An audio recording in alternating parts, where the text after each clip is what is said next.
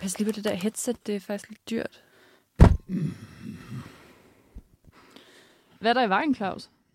Jeg er fucking sur. Er det vegetardag i kantinen, eller... øh? Nej, det er værre end det. Min barndom er ødelagt. Okay, slap af. Altså, du er lidt af en drama queen nu, ikke? Kan vi lige tage de to takker ned? Mm, Den er fuldstændig ødelagt. Jeg elskede at spille Mario på min Nintendo, og jeg glæder mig så meget til den nye film. Og så lyder Mario fandme bare som Chris Pratt altid gør. Jeg mener, what the fuck? Hvorfor bliver det altid noget lort, når spil skal laves til film eller serier? Hvor svært kan det være?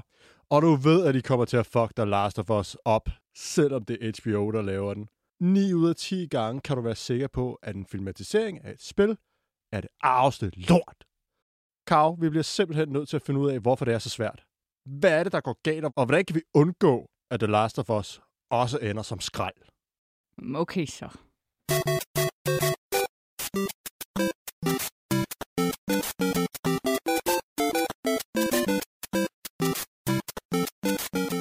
Velkommen til Close Up. Jeg er jeres meget vrede Claus Nygaard Petersen, og med mig som sædvanligt har jeg roen selv, Karoline Ballstrøm.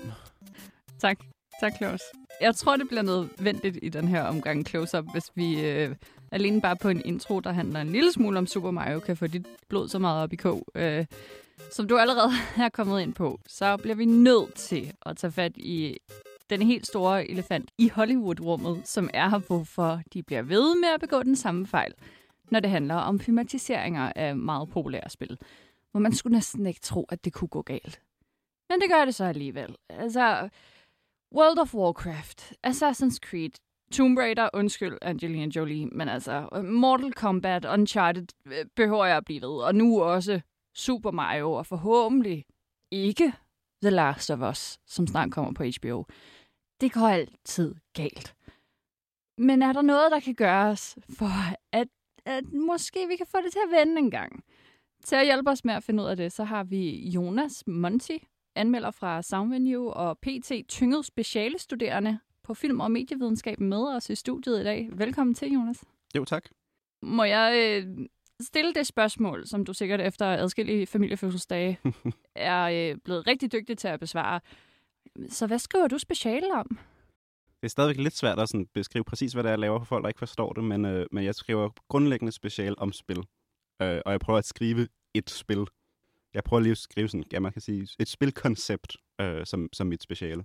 Claus, man skulle næsten tro, at vi havde tænkt over det, da vi bad Jonas om at komme ind og gøre os lidt klogere på sammenhængen mellem spil og filmatiseringer, ikke? Ja, det skulle man tro. Og Jonas, du skal lave historien i et spil. Er det rigtigt forstået? Det er i hvert fald en del af det. Og ja, ja, det bliver jo så ikke en hverken filmatisering af et spil eller en spilversion af en film. Det bliver ligesom en, en ny original historie, forhåbentlig. Og er det det, du generelt kan mærke, er det vigtigste for dig, når du spiller computerspil? For det gør du meget, og du ser Ja. også mange film i kraft af, at du er anmelder. så øh, er det ligesom en, et gennemgående tema for dig, at du leder efter den gode historie, uanset hvilket format det så er i, altså om det er på computeren, eller på tv-skærmen, eller på filmlæret.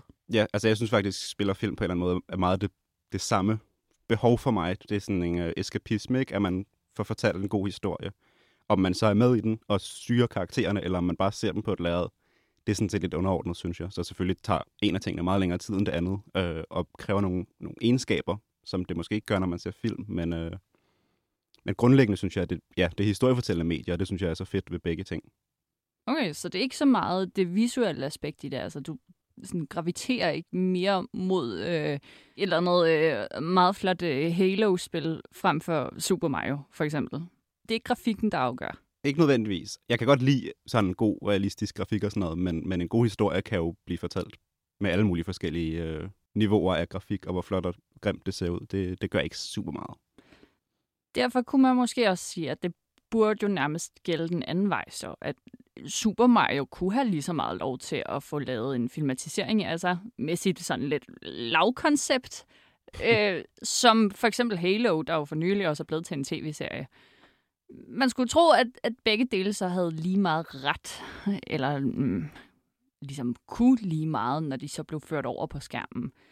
Altså, så længe historien sad i skabet, Men øh, ej, nu er det måske tidligt at, at allerede øh, sænke Super Mario helt ned i graven, men det lover jo ikke umiddelbart godt, og den Halo-tv-serie, jeg snakker om, som kom på, var det Amazon Prime? Paramount, som nu hedder Sky Showtime, øh, vi erobrer verden, øh, kæmpe streaming shit.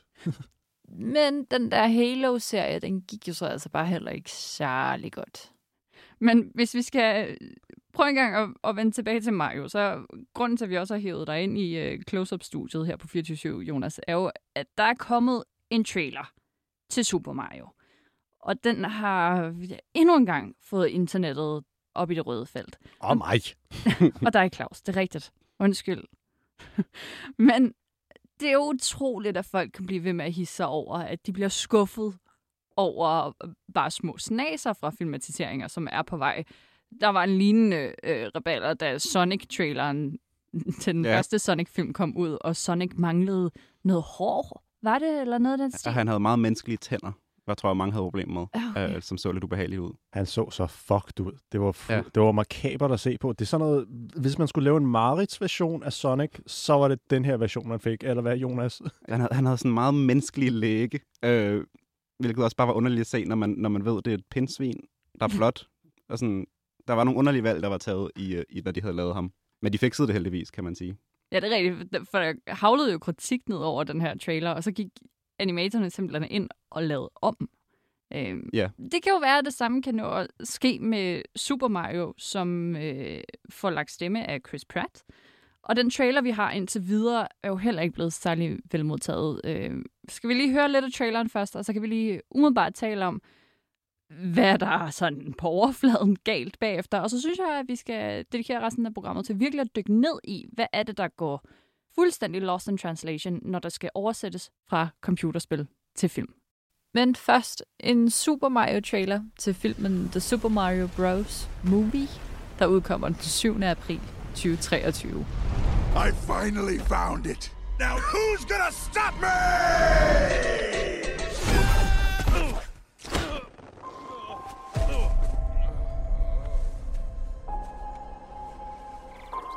What is this place? Do not touch that mushroom, you'll die! Oh, I'm sorry. that one's perfectly fine. Come on, Mario! Mushroom Kingdom, here we come. Mushroom Kingdom, my ass. Det lyder bare ikke rigtigt. Jonas, klassisk Mario er italiensk-amerikansk blikkenslager. Det her lyder ikke som en italiensk-amerikansk blikkenslager. Det lyder meget som Chris Pratt, vil jeg sige faktisk. Ja, og han har ingen nuancer i stemmen. Nej, altså han har, han har lavet en lille bit smule accent. Ja. Så altså, han har nok haft sådan en dialect coach eller et eller andet til det. Men øh, Han har jo selv været ude at sige, at øh, altså inden at traileren den droppede, at, at, at han havde virkelig lavet voice work på den her. At vi vil, vi vil høre ham, som vi aldrig har hørt ham før. Og jeg ved ikke, øh, folk, der har set Guardians of the Galaxy for eksempel, eller Parks and Rec, øh, vil nok godt kunne genkende hans stemme. Der ikke har et gram italiensk i sig, for hans familie stammer primært fra Norge, og derudover er han et mix af andre lande som England, Tyskland, Schweiz, fransk-kanadisk, sådan stort set alt andet end italiensk egentlig. ja, Så og Mario har jo generelt sådan en ret lys stemme, som har været lagt stemme til af Charles Martinet øh, i, tror jeg, stort set altid. Så man burde godt kunne genkende den. Og han har også, ja, han har den der catchphrase, let's go, som ville have passet rigtig godt ind i traileren her til sidst. Øh, men i stedet siger han, here we come, eller sådan noget. Altså sådan, de kunne, de kunne ret let lige have lavet den til det, eller givet bare lidt op i nogle oktaver eller et eller andet, øh, for at ramme klassisk Mario lidt bedre, vil jeg sige. Holy fuck, de fuckede hans catchphrase op. Ja, Men hvis vi skal tilbage til, hvad er det, de tager udgangspunkt i med den her filmatisering? nu hedder den jo Super Mario, og Super Mario som franchise startede jo et sted, jeg tror i 85, med Super Mario Bros., som er sådan en 2D-platformer, hvor man hopper rundt på hovedet af nogle svampe og skal fra venstre side af, af skærmen til højre side øh, for at redde prinsessen. Og det ligner jo lidt, at det er det, de også tager udgangspunkt i her, med en skurken som Bowser, som bliver spillet af Jack Black, som måske faktisk gør det meget godt. Men han, ja, har kidnappet prinsessen, og så skal Mario redde hende. Øh, og det ligner også, at det er det, der sker her. Men ikke noget sådan... Øh, det er ikke super komplekst. Nej, det er, ikke, det er ikke det mest narrative spil, kan man sige. Det er meget sådan... Narrativet er der bare for at have en grund til at gå mod højre. Øh, Okay. Åh, politik. øh, Associationer. det har jeg slet ikke tænkt over. det er helt klart noget andet end øh, live-action film fra 1993. Et hot mess af en film. Super Mario Bros. fra 1993. En uha, de forsøgte at køre Mario ud i den virkelige verden. Øh, det, det gik ikke særlig godt. Jeg har, jeg har en trailer her, og jeg synes, vi skal høre en bid, fordi der er noget, øh, der er noget virkelig 90'er, 80'er B-film over det. Læg især mærke til øh, den fantastiske, ikoniske trailerman stemme. Ham der med In a World. Den her gode bassstemme, der sådan forklarer alt, hvad der sker. Hvis vi lige hører en lille schnasser den. They're brothers. They're plumbers. Oh no. Mario! Luigi! They're on the trail of a kidnapped princess and a mystical meteorite It's incredible! that gives anyone who possesses it the power to rule the universe. Get me the rock! Come and get it, lizard breath! Now, they must rescue the princess Alien species escaping. and make it safely back Later, alligator. to our world Are you alright? before time runs out. Save him! Og Claus, når du siger, at det her er noget andet end den trailer med Chris Pratt, der lige er udkommet, så er det umiddelbart lidt svært at forstå, for det lyder umiddelbart som et lige så stort fuck-up. Men så hvad du mener er anderledes, er selvfølgelig, at Chris Pratt-filmen er en animationsfilm, som foregår i sådan et totalt over-the-top fantasy Candyland. Og den her Mario-film fra 1993 er med rigtige mennesker, og derudover så er den her film fra 90'erne meget mere realistisk. Vi kan se, det er rigtige mennesker, modsat Chris Pratt-filmen, som er tydeligt animeret. Det ligner noget fra nogle af de nyere Nintendo-spil, altså hvor det skal se lækkert og, og flot, men stadig animeret ud. Ikke? Men som Jonas fortalte helt i starten, så kommer det jo ikke altid så meget an på det visuelle, altså hverken når det gælder computerspil eller film, så længe historien er der. Men når Marios fortælling er forholdsvis simpel, så gør det vel heller ikke så meget lige at skifte et spor i 90'erne og smide alt det nuttede ud af vinduet, og i stedet køre den her Mario-film lidt mere grounded. Men hvad var det, der gik galt i 93? Um, øhm, man forsøgte at ride med på en bølge som øh, filmatisering af Teenage Mutant Ninja Turtles, det her ikon, den her ikoniske tegneserie. Man forsøgte at ride med på den bølge, fordi din første film, første Turtle-film, blev en kæmpe succes. Anden, den gik også okay. Så man har forsøgt lidt at tabe ind i det her univers med at lave sådan lidt real, lidt gritty øh, adaptation af noget barneagtigt.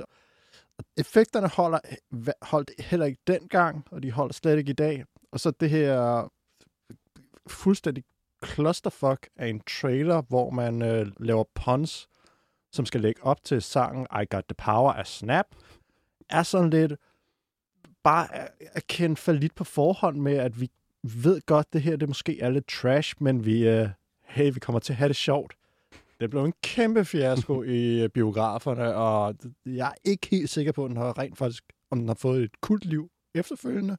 Altså, når du siger, at det bliver et flop i biograferne, så er det fordi, den ingen engang indtjente det, som den havde kostet at lave. Og udover hvad den har kostet at lave, så har der også været en mulig marketing og alt så videre udenom. Så det er en, en kæmpe losing, der måske bare er, er det første lille step på vejen til en lang, stolt tradition af, at øh, spilfilmatiseringer skal man måske lige tænke over en ekstra gang. Og når vi nu bliver ved med at trampe rundt i trailers til Mario-filmen og Sonic for den sags skyld, så er det jo bare fordi, at trailers er så afsindig vigtige for at skabe opmærksomhed for publikum for film, der er upcoming. Og det gør bare en kæmpe forskel i films salg af biografbilletter hvis det altså går godt for traileren, kan man sige. Og det gør det bare som regel ikke, når det gælder trailers for ting baseret på computerspil. For som Super Mario-filmen fra 93 viser, så selvom man har et fint lille I got the power-koncept, som man prøver at gemme rigtig mange ting bag, så er det bare ikke til at skjule, at filmen den ikke holder. Har du et umiddelbart bud, Jonas, på, hvorfor det er, at det gang på gang går galt? Jeg, jeg tror sådan, det helt overordnet, man kan sige, som jo man allerede kan se fra den første Super Mario-film øh, helt tilbage i tiden, det er det der med, at filmstudiet, der laver filmen over spillet, ikke altid forstår, hvad spillet er. Sådan, hvad er det, det er sjove ved spillet? Hvorfor er det, folk spiller spillet? Hvad er det ved historien, de godt kan lide? Øh, som tit bliver misforstået og ligesom overført på sådan, det, det er de forkerte ting, der ender med at blive filmatiseret, kan man sige. Øh, og så især med Super Mario Bros. Øh, dengang, som jo sådan, altså stort set ikke havde noget at gøre med, med spillene. Øh, jeg kan især godt lide deres Bowser, som er spillet skurk, som jo er sådan en blanding af en skildpadde og en dinosaur, men som i filmen bare er Dennis Hopper med Bart Simpson-hår. øh, sådan, de har ikke helt... Det er som om, de ikke har spillet spillet selv. Altså, de har bare været sådan, okay, der er nogle brødre, der hedder Mario. Hvad, hvad gør vi med det? Øh, og ikke rigtig tænkt mere over den end det. Men der er vel også noget helt centralt i, at når man spiller et spil, så er man selv herre over historien, eller du er ligesom selv skyld i, hvis det går langsomt nogle gange, fordi du sidder fast og ikke kan komme videre i din quest eller noget af den stil. Men film, der er al kontrollen jo ligesom sluppet, og det er fuldt ud op til instruktøren og studiet ligesom at få filmen drevet fremad. Så øh, er det, er det i virkeligheden bare et lost game, uanset hvad, fordi du ikke kan tage at, at flytte en historie fra et medie til et andet, eller hvad? Jeg tror, det er muligt at lave en filmatisering, hvor man ligesom man fjerner jo interaktiviteten i spillet. Og det tror jeg sagtens, man kan gøre. Man skal bare gøre det på den rigtige måde, og det kan jo være svært at vide, hvordan det præcis er. Øh, nogle gange så gør de jo meget det der med at lade som om, at når de tager nogle elementer fra spillet, for eksempel Doom-filmen, er der en action scene hen imod slutningen. Fordi det er et første persons skydespil, hvor man så ligesom ryger ind, kameraet ryger ind i hovedet på Carl Urban, som spiller Doom Guy, tror jeg han hedder. Og så er der sådan en action scene, hvor man ser det fra hans perspektiv, hvor han løber rundt og skyder, hvilket jo ligner Doom-spillene, men det føles ikke sådan, fordi at det, der er pointen med Doom-spillene, det er, at der er sådan noget splattervold mod aliens og sådan noget. Det er ikke nødvendigvis, at man er inde i hovedet på hovedpersonen. Så de prøver altså en fake interaktiviteten, hvilket bare gør det mere tydeligt, at den ikke er der i det eksempel, for eksempel. Skal vi lige høre et klip fra Doom fra 2005, hvor den her first person sekvens, altså hvor man indtager hovedpersonens point of view og ser ud gennem hans øjne med kameraet, og nogle gange ser man også igennem hans sigtekorn, når han render rundt og plukker zombies og har noget sejt musik i ørerne. Hvis man hører godt efter, så kan man måske høre, at alle lydeffekterne er, når han lader sit våben og trækker vejret sådan. Det er ret højt, som om man virkelig er der sammen med ham. Og hans våben er lige ved siden af ens eget øre. Prøv at høre en gang.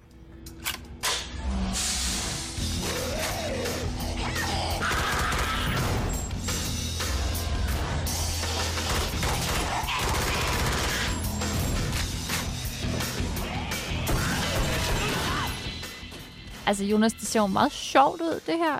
Og jeg har ikke selv spillet Doom, men jeg kender det meget overfladisk. Jeg kan godt genkende det her fra spillet, når jeg har set klip af det. Altså det med, at man kigger ud gennem personens øjne. Det virker rimelig spot on i den her sekvens, men Doom-filmen handler også om meget andet end bare lige det her øh, ret fede vold.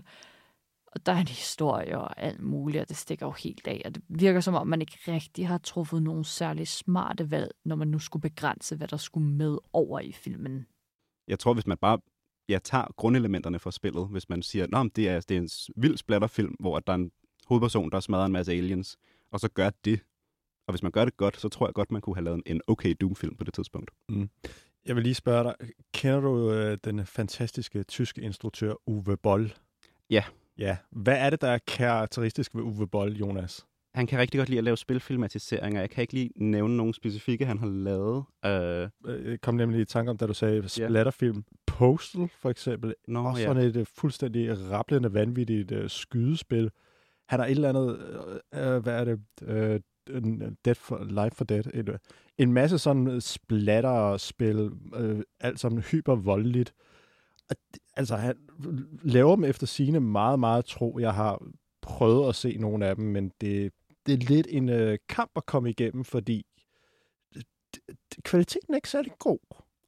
Nej, jeg har faktisk heller ikke set nogen af dem, men jeg ved, Postal der er jo faktisk også et ret kontroversielt spil, mm. som måske i virkeligheden ikke skulle være et af dem, der blev filmatiseret, fordi at man spiller lidt sådan seriemorder og sådan noget, og da det kom frem i tiden, var der ret meget sådan kritik af det, øh, og det er også måske et af de spil, der har givet computerspil generelt sådan lidt dårlig image med, at det bare er vold til børn, og at det skaber skoleskyderier og sådan noget, hvilket jeg må, altså sådan, lige præcis Postal er rimelig out there på den måde. øh, Okay, så der, går, der er du lige ved at gå med på den der.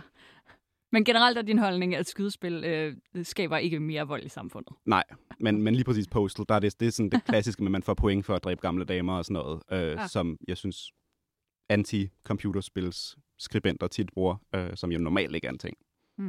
Fint nok, så sådan umiddelbart indtil videre, at dit bud, at når det går galt med filmatiseringer, er det simpelthen fordi, at skaberne, der konverterer dem til film eller serier, ikke har fattet, hvad det vigtige er. Men så skulle man jo næsten tro, at der var øh, nogle spil, som var bulletproof i den henseende, øh, hvor man næsten tænker, det kan ikke gå galt, fordi der er andre forlæg bag også. For eksempel World of Warcraft har jo en enorm lang bogserie, der ligesom støtter op om hele det her univers. Så man skulle jo nok tro, at World of Warcraft, altså et af de største spil i hele verden, det kan ikke gå galt, det her. Right? Ja, der kan man jo sige, World of Warcraft tror jeg måske er et af de spil med sådan mest historie, altså sådan, der er skrevet Lore. så meget lore om det. Altså, der er så meget baggrundshistorie, man, man kunne filmatisere, og det virker jo faktisk som en meget god idé. Og jeg ved ikke, hvad der præcis gik galt der, fordi at filmen fortæller om nogle af de her events, der foregår før spillet. Jamen, de starter ligesom helt fra starten med World of Warcraft-filmen fra 2016. Igen der har de jo måske ikke rigtig fattet, hvad det er, fansene gerne vil have. Fordi der er nogle meget flotte historier i World of Warcraft-spillene og bøgerne. Og en oplagt en ville måske have været at lave sådan en lille trilogi om, hvordan en prins bliver meget korrupt og går fra at være god til at gå virkelig bad.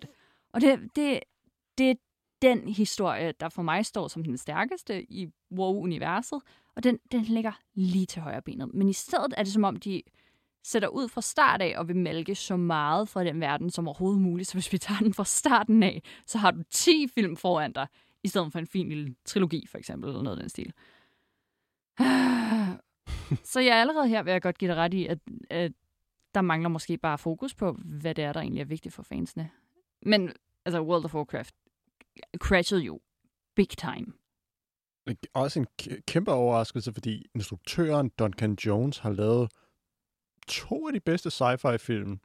Jeg lægger hovedet på blanken og siger, to af de bedste sci-fi-film i øh, nullerne og tierne. Moon med Sam Rockwell, som, øh, hvor han er ene mand ude i rummet på en måne, hvor han lige pludselig lærer nogle ting om sig selv, som øh, gør, at han øh, sætter spørgsmålstegn ved hele sin eksistens. Og Source Code, en øh, sjov lille, næsten computerspilagtig film om, hvor Jake Gyllenhaal er en person, som skal forsøge at stoppe en bombe i et tog, og hver gang han mislykkes, så starter han forfra. Der var virkelig store forventninger til World of Warcraft, indtil traileren begyndte at droppe. Fordi så var det, men sådan, er det så flot ud, men men de har angrebet det forkert, ikke? uha, der er noget, der virker lidt forkert. Og der var jo også rygter om, at der var blevet lavet rigtig, rigtig, rigtig, mange reshoots. Det er normalt i Hollywood, at man laver reshoots, men man får altid lidt bange anelser, fordi hvad er det fanden er det, vi er nødt til at lave om igen? Mm. Ja, det vidner ofte om, at der har været eventuelt et testpublikum på, eller bare nogle producers bag, som har set noget og sagt, der er ting, der ikke hænger sammen, der er noget, vi ikke forstår. Historiefortællingen halter i hvert fald, som regel, med reshoots. Så altså... Men måske her, Jonas, vi er også allerede inde på mm, en lille teori, jeg har, som er, at måske lange spil med stor lore bag sig bare ikke gør sig så godt til halvanden times formatet, som film nu engang er. Altså, er spil og film måske den forkerte vej rundt? Bør vi hellere kigge på spil, der kunne blive til tv-serier? Det tror jeg faktisk er en meget god pointe, fordi et spil er jo som minimum plejer det at tage måske 10 timer cirka at spille sig igennem. Og det er jo sådan, hvis det er 10 timer spil, så er det sådan, Åh, det er et kort et. Det kan man sagtens lige tage på en weekend. Øh, og der, ja, en film, som jo så er under to timer eller deromkring, det er ikke altid den bedste måde at overføre den historie på, fordi historien er skrevet til at være meget længere. Og der kan man jo godt sige, at, at hvis man skal lave direkte filmatiseringer af spil, så passer det måske faktisk bedre som serie, fordi man igen har, så har man nogenlunde de her 10 timer at fortælle med. Og det er jo så, ja, kan man sige, hvis man overfører historien fra spillet sådan relativt direkte, øh, hvilket man jo ikke behøver at gøre, kan man sige. Man kan jo også, hvis man godt vil lave en god spilfilm, tror jeg bare, man skal tage en anden historie. Man skal ikke tage historien i selve spillet, men lave en ny historie i den verden, eller med de karakterer på en eller anden måde, og så fortælle noget med det. Det tror jeg også, man kan få det godt med. Er der nogle genre, Jonas, som øh, egner sig bedre til film, filmatiseringer end øh, serier? Nu snakker vi om to, øh, om platformspil før, og så versus noget som World of Warcraft, som er det her meget store, episke univers.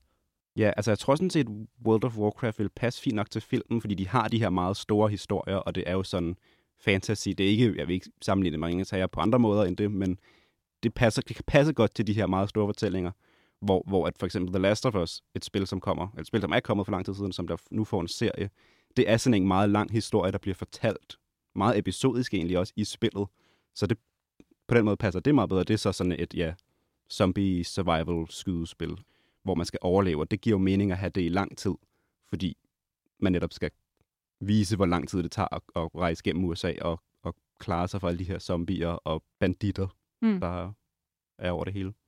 Jeg synes, det er spændende, det du siger med, at hvis man måske skal give sig selv en chance, så skal man basere sin film eller tv-serie på øh, et koncept fra et spil, og så udvikle helt på det.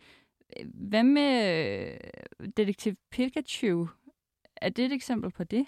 Jeg synes faktisk, Detektiv Pikachu måske er en af de bedste spilfilmatiseringer, der eksisterer lige nu. Øh, fordi jeg synes, det er en rigtig god, underholdende film. Nu har jeg ikke, jeg har ikke spillet Detective Pikachu-spillet, men jeg har jo spillet en del Pokémon-spil. Og der synes jeg bare, at de får fanget sådan ånden af Pokémon-spillene ret godt med, at hvis man kender til, til Pokémon, og så kan man se, at de bruger deres rigtige moves, de forskellige Pokémoner, og der er, der er en Pokémon, der leveler op, og man kan, sådan, man kan mærke, at det tydeligvis foregår i Pokémon-verdenen, og det føles som en sådan, på en eller anden måde, virkelighedstro version af det. Og det er jo ja, sådan en mysterie-thriller-ting, som normalt ikke er i Pokémon, men, men en super fed historie, synes jeg. Nu nævner du det med, at de øh, bruger de rigtige moves for de forskellige Pokémoner. Øh, hvordan har du det med, når man laver sådan nogle referencer i filmene til de originale spil? Øh, Bliver det nogle gange lidt for meget, eller øh, hvordan lig- ligger du på det? Nu nævnte jeg det jo også tidligere med Doom, hvor man en til en genskaber, hvordan Doom-spillet ser ud. Og der synes jeg, det bliver lidt dumt. Man skal ikke lave sådan en direkte reference til, at når man hovedpersonen sidder og trykker på B-knappen eller sådan noget, øh, som man vil gøre i spillet, fordi det er bare, det er bare sådan, så sværer man det ud i ansigtet på, på tilskueren, at det her er altså ikke et spil. Men når man har elementer af spillet, som for eksempel movesne i Pokémon, så synes jeg, at, at man som spiller får nogle fine referencer, og man kan sige, at jeg kan, jeg kan genkende de her ting. Øh, jeg ved, at det her er en, en mekanik i spillet, men uden at det bliver sådan en genskabelse af, hvordan spillet ser ud på skærmen. Så det er sådan en meget hård, fin balance, synes jeg, man skal gå, når man, når man gør det. Jeg synes også, det blev ret tydeligt for mig, da jeg var inde og se Uncharted med Tom Holland i hovedrollen, Spider-Man, at jeg ikke selv havde spillet det spil, og at der var nogle tydelige referencer, som jeg gik glip af, og det var ikke nødvendigvis noget, jeg havde imod. Øh, jeg havde rigeligt travlt med at have en masse andet imod den film, fordi hvis der var noget, der var rushed, og ja, der, der var godt, godt med krudt i, og der var nogle, nogle stunts, der brød nogle fysiske love, som jeg ikke helt kunne se bort fra. Men, men jeg, jeg blev øh, gjort opmærksom på af min sidemand, der sad og øh, pegede meget og skubbede mig i øh, siden med albuen, at, øh, Hov, hov, hov, hov, hov. Så grov var jeg heller ikke. at der dukker på et tidspunkt en fyr op på skærmen, som er en, øh, en af de her tydelige referencer, du netop snakker om, Jonas. Ja, det er, at, at Nolan North, som spiller hovedkarakteren i spillene, eller lægger stemme til, han dukker op på et tidspunkt efter Tom Hollands Nathan Drake har lavet et vildt stunt og landet i vandet, kommer op. Så øh, sidder Nolan North i en liggestol og siger, Whoa! What the hell happened to you? Fell out of a car that fell out of a plane? Hey, you know, something like that happened to me once. Something Like That Happened to Me Once, øh, ender med at blive sådan en ret underlig meta-reference til, at sådan, er, er han også Nathan Drake? Er han Nolan North i den her verden? Hvad sker der her? Og der synes jeg også, de har sådan mast ret mange af spillene sammen og taget de store set, action set pieces fra de forskellige spil og lavet til en historie. Hvilket også gør det sådan lidt underligt, at når er det en origin story for Nathan Drake, betyder det, at han er faldet ud af et fly to gange, hvis han både har gjort det i film og i spillet. Og hvis, Nathan, hvis Nolan North er i filmen, hvem er han så? I, findes Nolan North så i Uncharted-spillene også? Øh, og jeg synes egentlig bare, det endte med at være sådan, når, hvis, de kan få, hvis de kan få Nolan North på skærmen i noget tøj, der ligner Nathan Drakes, hvorfor så ikke bare have ham med? Hvorfor ikke bare lade ham spille Nathan Drake og være hovedpersonen i filmen? Det er jo selvfølgelig, fordi han ikke trækker nok billetter måske, men det synes jeg ville have været ret fedt, fordi at Nolan North har virkelig skabt den karakter med den improvisation, han har lavet, når de har lavet spillene. Øh, så jeg synes, det, er, ja, det var svært at adskille de to. Og det er så uden at overhovedet tale om Mark Wahlberg som øh, Sully. Det behøver vi ikke. Det behøver vi ikke komme ind på. okay, men med alt det her, så er jeg næsten glad for, at jeg ikke øh, forstod det. Fordi jeg synes også nogle gange, at sådan nogle referencer kan blive lidt... Øh, altså, det kan godt rive mig ud af illusionen. For det er nærmest sådan fourth wall breaking, ikke? Hvor at karakteren henvender sig direkte til en og siger sådan, hey, blink, blink. Rigtig øh, meta-agtigt. Ja, Deadpool, ja. der fungerer det. Det er noget andet. Men, Jeg er faktisk også ret spændt på den nye Mario, Super Mario-film, fordi at på IMDb er Charles Martinet, den oprindelige Mario stemmeskuespiller, han er krediteret ikke med en karakter endnu, så det er ret sikkert, at han kommer til at have en cameo i filmen, hvor det sådan, det beviser jo, at han er villig til at være med, og han kunne godt have lagt, han kunne godt have lagt stemme til Mario, men studiet har bare valgt at vælge Chris Pratt i stedet for. Så det er spændt. Jeg, bliver, jeg er spændt på at se, hvad det er, han får for en, en rolle i den film. Jeg kalder den allerede nu, Jonas. Marios dobbeltgænger fra et andet multivers. Det er godt. Jeg, jeg tænker, at han spiller Marios far. Ja. Øh, ah. eller ja, så er det jo Mario-brødrene, så det er Mario og Luigis far, som så, så giver noget livsvisdom eller et eller andet til Mario Junior, spillet af Chris Pratt. Eller Wario. Det kunne også være. Jeg tror ikke, studiet tør have Wa- Wario og Waluigi med, desværre. nu er vi jo allerede ude i at fuldstændig smadre Super Mario, som vi jo ikke engang har fået premiere endnu. Så måske vi lige bør slappe af, men der er jo også andre upcoming spilfilmatiseringer på vej. For eksempel er der Sonic 3. Woohoo! Det kan jo kun blive bedre end de to foregående. Øh, Den første var charmerende. Jeg kunne godt lide den. så er der blandt andet Bioshock og Borderlands og Pac-Man. Nej, vi har ikke allerede haft en Pac-Man. Det var Pixels-filmen, hvor, vi, ja. hvor vi så en stor Pac-Man. Men nu når vi kigger lidt frem i tiden, så kunne man jo bare godt have lyst til at ønske, at det nogle gange kunne fungere. Og du har også allerede nævnt The Last of Us, som jo måske Mm. på papiret lover godt, fordi det er en tv-serie, og allerede der, der var du mere solgt. Men har vi eksempler på, at det her, det, det kan rent faktisk fungere? Eller bør man bare stoppe alt og sige, øh, Bioshock, det var ærgerligt, jeg gad godt at se det, bare glem det. Har vi overhovedet noget bevis for, at det her kan ende lykkeligt? Der er en, en animationsserie på Netflix, der hedder Arcane, som er en filmatisering af League of Legends-spillet, hvor man kan sige, League of Legends har også meget, rigtig meget sådan baggrundshistorie, som er meget interessant, men der er på, det, er på ingen måde et, det er på ingen måde et narrativt spil. Det er bare sådan en multiplayer-arena, hvor to hold slås mod hinanden. Så Men- det er ikke ligesom World of Warcraft. Nej, som faktisk har meget narrativ i sig. Men Arcane som serie var mega god, fordi de tager de her, jeg tror, der er sådan noget hundredvis af karakterer, som har baggrundshistorier og liv og alt muligt spændende, øh, og fortæller så ja, sådan et udpluk af deres origin stories øh, og den verden, det hele foregår i, som faktisk er super god og super fedt animeret. Ja, så det vil jeg nok sige, at det er det bedste eksempel, men det er jo også, fordi de tager den så langt væk fra, hvad spillet er. Der er på intet tidspunkt, hvor de ender med at stå i en stor arena, fire på hver side, og sådan, åh oh, nej, nu skal vi slås. Altså sådan, det gør de ikke, hvilket vil være en direkte reference til spillet, men de har de forskellige moves. Der er en med store Øh, slå næver og sådan nogle mekaniske ting, som så laver nogle af sine moves i serien. Så man kan ligesom genkende de ting, hvis man kender spillet, men man kan også sagtens nyde det, hvis man slet ikke kender til spillet. Jeg er ikke den store League of Legends-fan. Jeg kan mit sådan basics, ikke? Men Arcane slog æder med hårdt, men det er også fordi, der er noget historiefortælling der, og nogle meget dystre episoder, som trækker en ind, uanset om man er spilinteresseret eller ej. Og som du siger, den er meget interessant animeret, altså sådan, hvor man bliver lidt i tvivl om det. Altså sådan, er det meningen, at det skal ligne noget håndtegnet, hvilket det nok ikke er, men Altså, det det er meget interessant stil i hvert fald, så den kan man godt tjekke ud på Netflix. Må jeg komme med en lille privat yndlingsspilfilmatisering, som I nok kommer til at slå hårdt ned og sige, at jeg snyder? Mm, ja. Altså The Witcher, ikke? Mm, ja. Også på Netflix. The Witcher er jo et spil.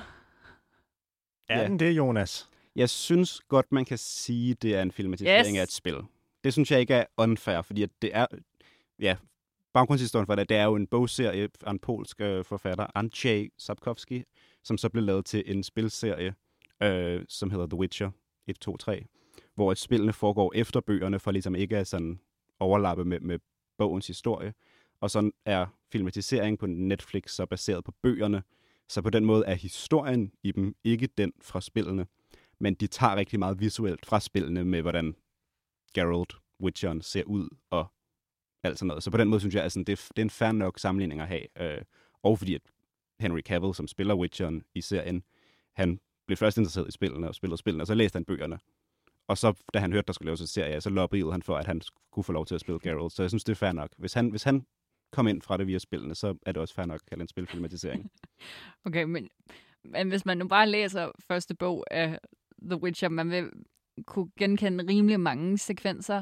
Uh, der er et møde med en gut, der hedder Navelin, for eksempel, som er sådan ja, en til en bogen. Så okay. Jeg vil bare gerne lige snige den ind, okay? Hvad er det, du synes, den gør godt? Jeg synes, den fanger det, der for mig var noget af det vigtige fra, fra spillene, hvilket jeg godt ved er måske sådan lidt sådan en... Nå, var det bare det? Men jeg synes hele stemningen i det, som især også er bygget op om musikken, og øh, det med, at der er en, en creepy sang fra, fra spillene, synes jeg, at de på en måde får formidlet ret godt igennem musikken i tv-serien også.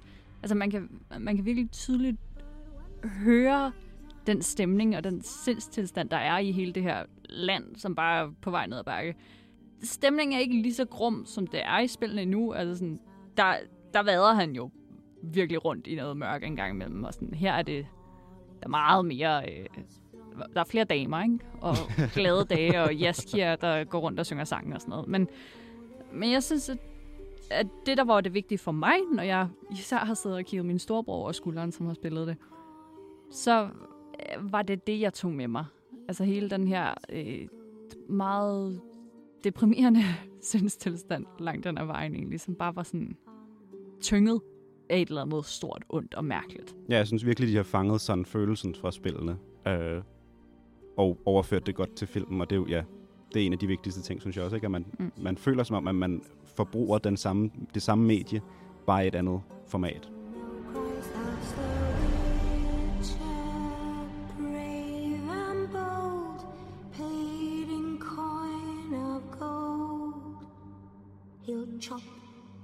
Slice you, cut and dice you, eat you up.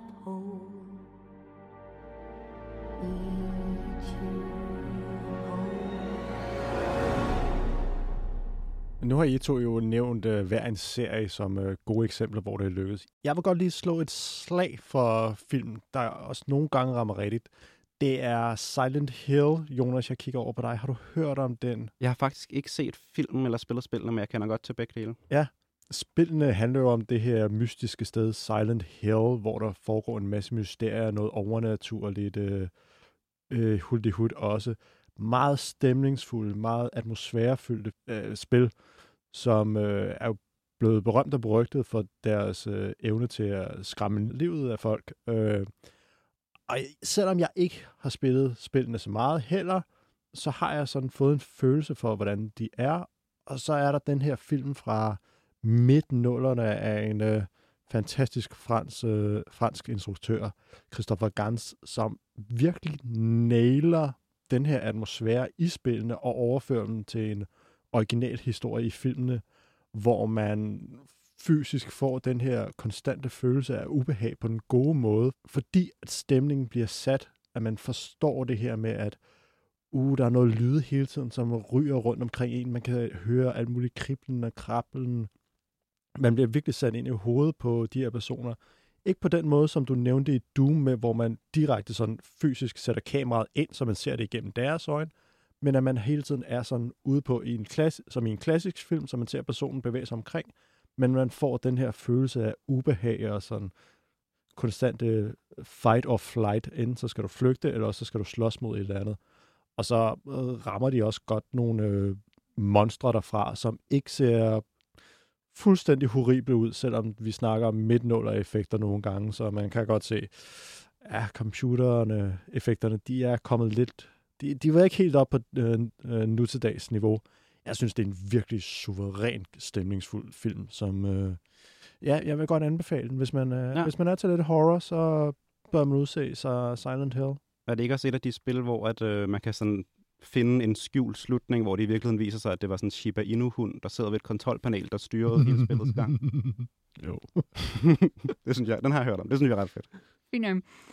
Men jeg føler også, at vi alle tre har en rimelig stor, forholdsvis rolig forventning til en specifik HBO-serie, som er upcoming, hvor jeg føler, at der er rimelig stor tiltro til, at det her, det kan godt komme til at fungere.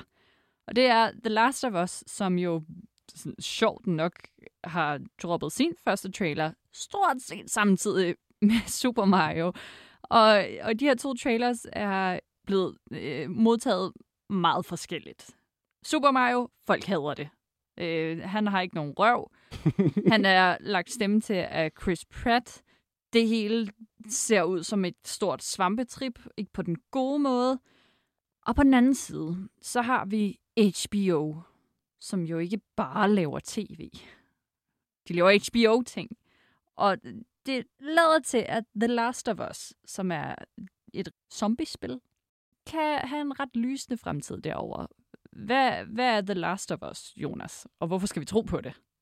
Jo, The Last of Us, at det, er, ja, det foregår i sådan en øh, postapokalyptisk USA, hvor at der er sådan en svampevirus, som har inficeret menneskeheden og gjort, ja, gjort dem til zombier, sådan en helt klassisk forstand. Øh, og der følger vi så sådan en deprimeret far, der hedder Joel, øh, som ret tidligt mister sin datter. Det er en lille, altså det er jo nok noget, der sker lige med det samme.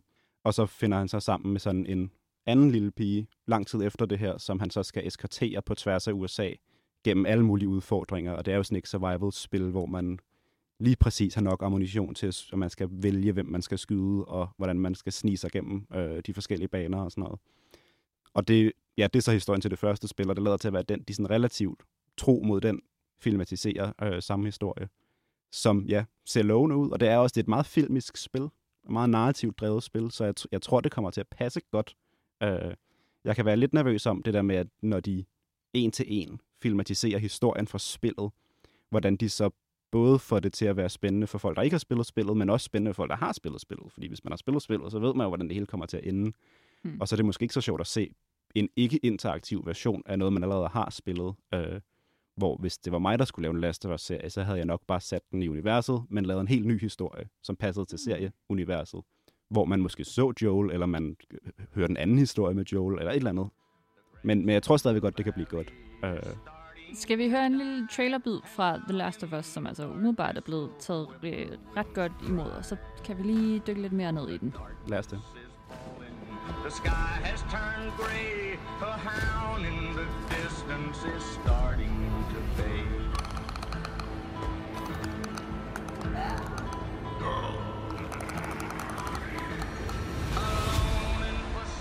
er det jo ikke, fordi der bliver sagt meget i den her meget stemningsfulde, dunkle trailer.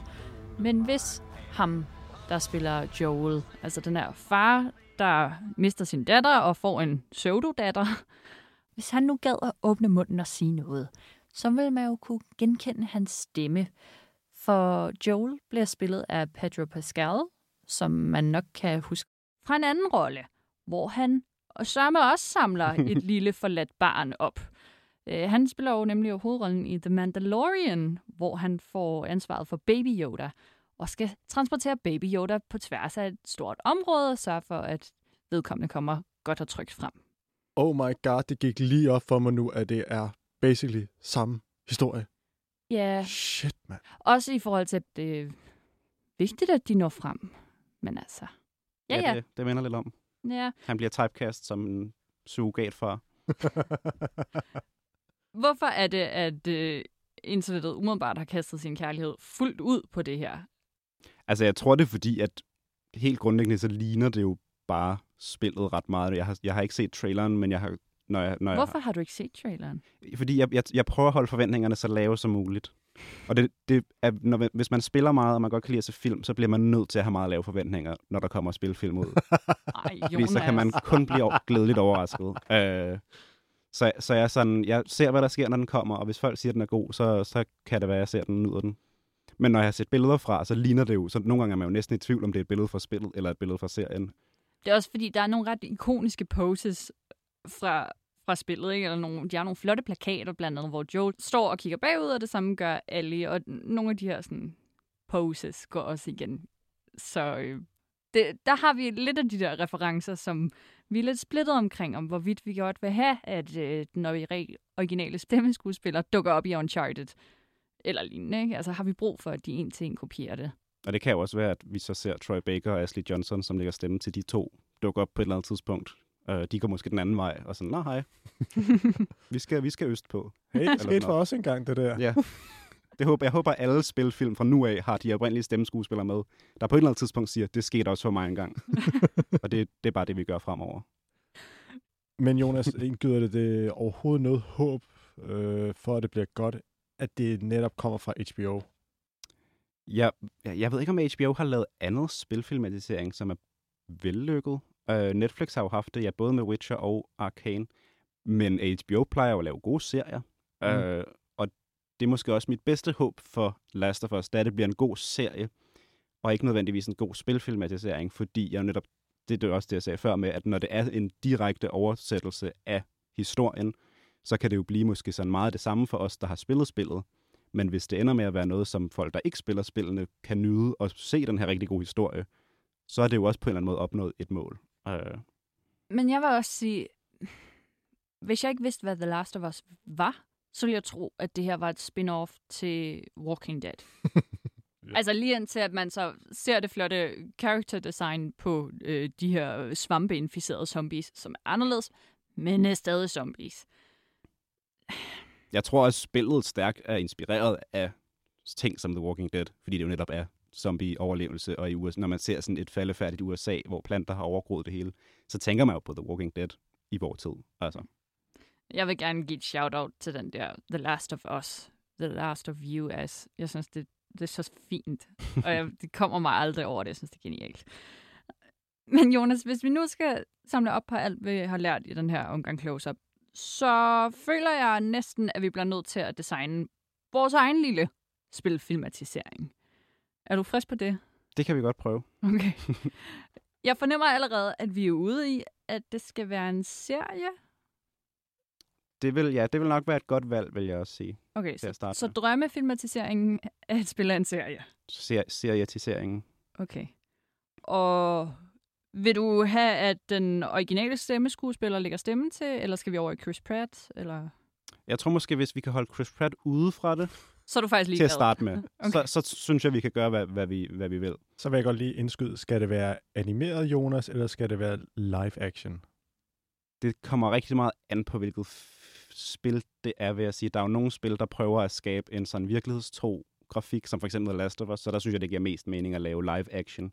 Men med Mario, som er et meget sådan karikeret, tegneserieagtigt univers i spillene, så giver det jo nok mere mening med animation. Okay. Så vil jeg godt lige slå et slag for, at vi skal have noget god musik. Det kan jeg også godt være enig i, ja. Som ikke bare er en nice titelsekvens, men vi skal have gennemgående god musik. Og gerne en lille sang, som man sådan kan synge med på og synge rundt om bålet og få lidt øh, nøjeren over. Eller The Witcher. Ja. Du vil bare gerne lave The Witcher, ikke? du vil bare gerne Nu havde jeg glemt, at det var faktisk Jonas' øh, drømmefilmatisering, vi var i gang i. Må jeg godt få en sang alligevel, Jonas? Vi kan godt få en sang med i. Okay, tak. Det synes jeg faktisk. Jeg synes også, det er ret fedt. Jeg har også lyttet til Witcher-sangen meget. Har du et særligt spil i hovedet, som du gerne vil have filmatiseret? ja, da du, jeg har blevet spurgt om det, før jeg kom på, på programmet, og har skulle tænke meget over det, fordi at mange af de spil, jeg godt kan lide, er jo faktisk allerede filmatiseret, som Assassin's Creed og sådan noget. Det er jo det, dem, jeg har spillet mest. Og det fik en meget dårlig filmatisering. Men så tænkte jeg på et, som endnu ikke er blevet filmatiseret, men som jeg synes har potentialet til det. Og det vil jeg sige er Red Dead Redemption-serien. som er sådan en tredjepersons open world, stor åben verden, western, øh, western-spil, hvor man følger en, en bande. Øh, etteren foregår efter toeren, hvor man så skal sådan fange banden og, og dræbe de forskellige medlemmer. Og toeren er så sådan en prequel, hvor man oplever banden i sit fald med, hvordan de endte med at øh, blive opløst. Og der tror jeg godt, man kunne fortælle en god historie i den verden. Måske med den bande, men måske uden at fortælle direkte historien fra etteren eller toeren. Fordi der er stadigvæk rigtig meget interessant, man kunne fortælle der. Man kunne lave en serie om, hvordan banden bliver samlet, om hvordan ja, hovedpersonen fra etteren, John Marston, hvordan han bliver samlet op af den her bande og opdraget og får sådan en faderfigur i, i bandens leder, Dodge. Øh, der tror jeg, der vil være rigtig meget interessant stof, og der vil man også sagtens skulle have nogle lejrebålshistorier og sange og sådan noget, man kunne synge med på. Og det har også super fed musik, faktisk, det spil. Altså, hvis jeg skulle vælge en, ikke? Ja. Bare for at få musikken med, så tror jeg, jeg ville vælge Fallout. Ja, der er jo sådan noget øh, øh, 40-50'er swing-musik Ja. øh, i radioen hele tiden. Jeg tror egentlig bare, det skulle handle om nogen, der gik rundt og prøvede på at overleve længe nok til, at de kunne nå hen til den næste radio for at tænde for den. Og så kunne vi høre, hvad der er spillet der. Ja, hører Johnny Guitar-sangen, som er med i øh, Ja. ja. et af spillene, som jo faktisk også bare er en film. Det tror jeg er mit umiddelbare bud. Har du, har du et ønske til en filmatisering, Claus? Oh, jeg er jo ikke den store gamer, så øh, jeg kan ikke rigtig komme byde ind med noget. Yes. Øh, men synes altid, man kan fornemme, om noget bliver godt eller ej, allerede på forhånd. Kan I følge mig? Det er det med, at øh, World of Warcraft, man kunne godt fornemme, det ville ikke, måske ikke ville blive godt. Last of Us, det har allerede noget momentum kørende med sig, hvorimod Super Mario, den nye med Chris Pratt, den allerede har noget modstand. Den er rollet lidt hen i... Du ruller med øjnene, Jonas. Ja. den er rollet lidt over i det spor, som Sonic også, den første film, den røg over i, med at uh, internettet er allerede sådan lidt, nej, det gider vi faktisk ikke, det her. Ja, allerede fra de annoncerede Mario-filmen, så havde de jo sagt, og det kommer til at være Chris Pratt, der lægger stemme til, hvor fanbasen af Mario-spillere har tænkt, han kommer jo bare til at lave sin egen stemme, gør han ikke? Og så har han lavet nogle interviews, hvor han siger, nej, nej, jeg laver noget helt særligt. Og så er nu traileren kommet, hvor han bare laver sin egen stemme. Så der havde fanbasen ligesom regnet den ud på forhånd, kan man sige. Men Jonas, jeg vil godt lige vende tilbage til øh, Red Dead Redemption, uh, din yndlings, uh, dit håb for fremtiden Ja. på en god uh, serie. Hvem skal spille uh, hovedrollen i den? Uh, det er faktisk et godt spørgsmål. Det ved jeg ikke. John Marston, som er hovedpersonen i etteren, har sådan en meget markant stemme. Øh, så jeg vil næsten bare, hvis man kunne få den oprindelige skuespiller til det, så vil han skulle selvfølgelig spille en teenager. Det ville nok ikke passe helt så godt, men, øh, men han er nemlig sådan en, han er, det, han er ikke specielt skuespiller, han har bare sådan meget sådan øh, rå, øh, gruff stemme. Mm. Og så har han lagt stemme til John Marston, og så efter det, så stoppede han med at lave stemmeskuespil. Det var det. Og så kom han så tilbage til toeren. Øh, så hvis man kunne få ham ud på en eller anden måde, ville det være fedt. Ellers måske Tom Holland, jeg ved det ikke. Jonas Monti, tusind tak, fordi du vil komme og berige os med din øh, store viden om spil og øh, spilfilmatiseringer. Og berolige mig lidt, fordi jeg var oppe i det røde felt, og jeg føler lidt, jeg er min puls er kommet ned på normal niveau, og jeg er ikke lige så rød i hovedet, og jeg har ikke lyst til at kaste en stol igennem studiet mere, så tak for lige at berolige mig lidt, at uh, der er håb for fremtiden. Super Mario kommer måske til at sucks, men der kommer også til at ske noget godt længere ud i fremtiden. Ja, så længe det er en tv-serie, føler jeg nærmest er sådan den hemmelige opskrift på succes for spilfilmatiseringer fremover. Eller bare Detective Pikachu 2. Det er selvfølgelig rigtigt. Tak for øh, dine kloge ord, Jonas Monti. Og tak til dig, Claus Nygaard Petersen. Mit navn er Karoline Ballstrøm, og du har lyttet til Close Up, som sendes hver fredag på 24 Hvis du ikke kan vente så længe inden næste episode, så kan du høre vores tidligere episoder, der hvor du finder dine podcasts. Tak for nu.